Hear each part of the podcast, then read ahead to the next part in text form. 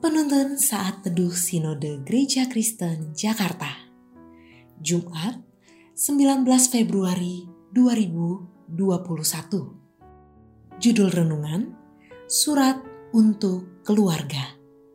Diambil dari surat Kolose 3 ayat 18 sampai 22 Hubungan antara anggota-anggota rumah tangga.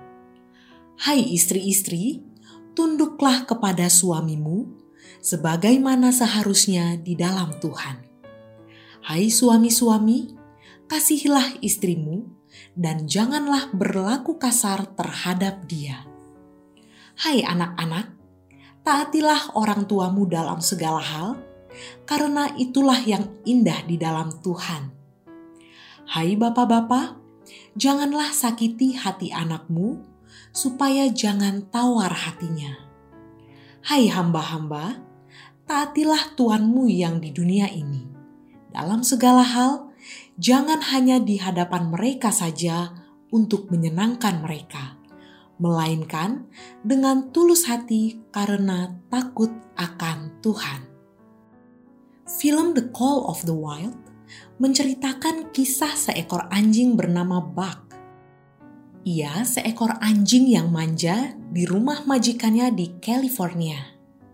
Namun, kisah hidupnya berlanjut ketika ia terjual menjadi anjing pembawa surat di dataran tinggi Yukon, Alaska selama masa Gold Rush tahun 1890-an. Di film ini, kita menyaksikan betapa pentingnya sebuah surat yang harus diantar melewati medan yang sulit dan penuh tantangan. Rasul Paulus mengirimkan surat kepada keluarga di Kolose. Isinya adalah bagaimana mereka menjaga hubungan antar anggota-anggota keluarga. Setiap orang dalam keluarga memiliki tanggung jawab masing-masing. Bahkan, termasuk dengan hamba di dalam rumah sekalipun. Seorang istri harus tunduk kepada suaminya. Seorang suami haruslah mengasihi istrinya. Anak-anak harus menaati orang tua. Sebaliknya, orang tua tidak boleh menyakiti hati anak-anaknya. Para hamba penghuni rumah pun harus menunjukkan ketaatan kepada tuan mereka menarik kata di dalam Tuhan berulang-ulang disebut dalam ayat-ayat ini. Artinya, semua tanggung jawab dan sikap yang dilakukan itu hendaknya dilakukan di dalam Tuhan. Ingat, orang dunia pun bisa melakukan hal yang sama. Namun, seorang murid Kristus melakukannya di dalam kebenaran Tuhan.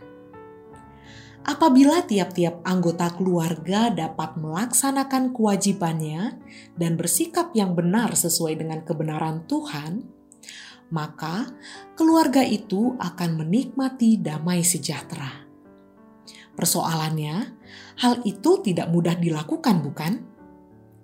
Banyak penghalang yang membuat kita tidak mampu mewujudkan tanggung jawab kita dan bersikap benar dalam keluarga kita mungkin lebih banyak menuntut orang lain daripada menuntut diri sendiri.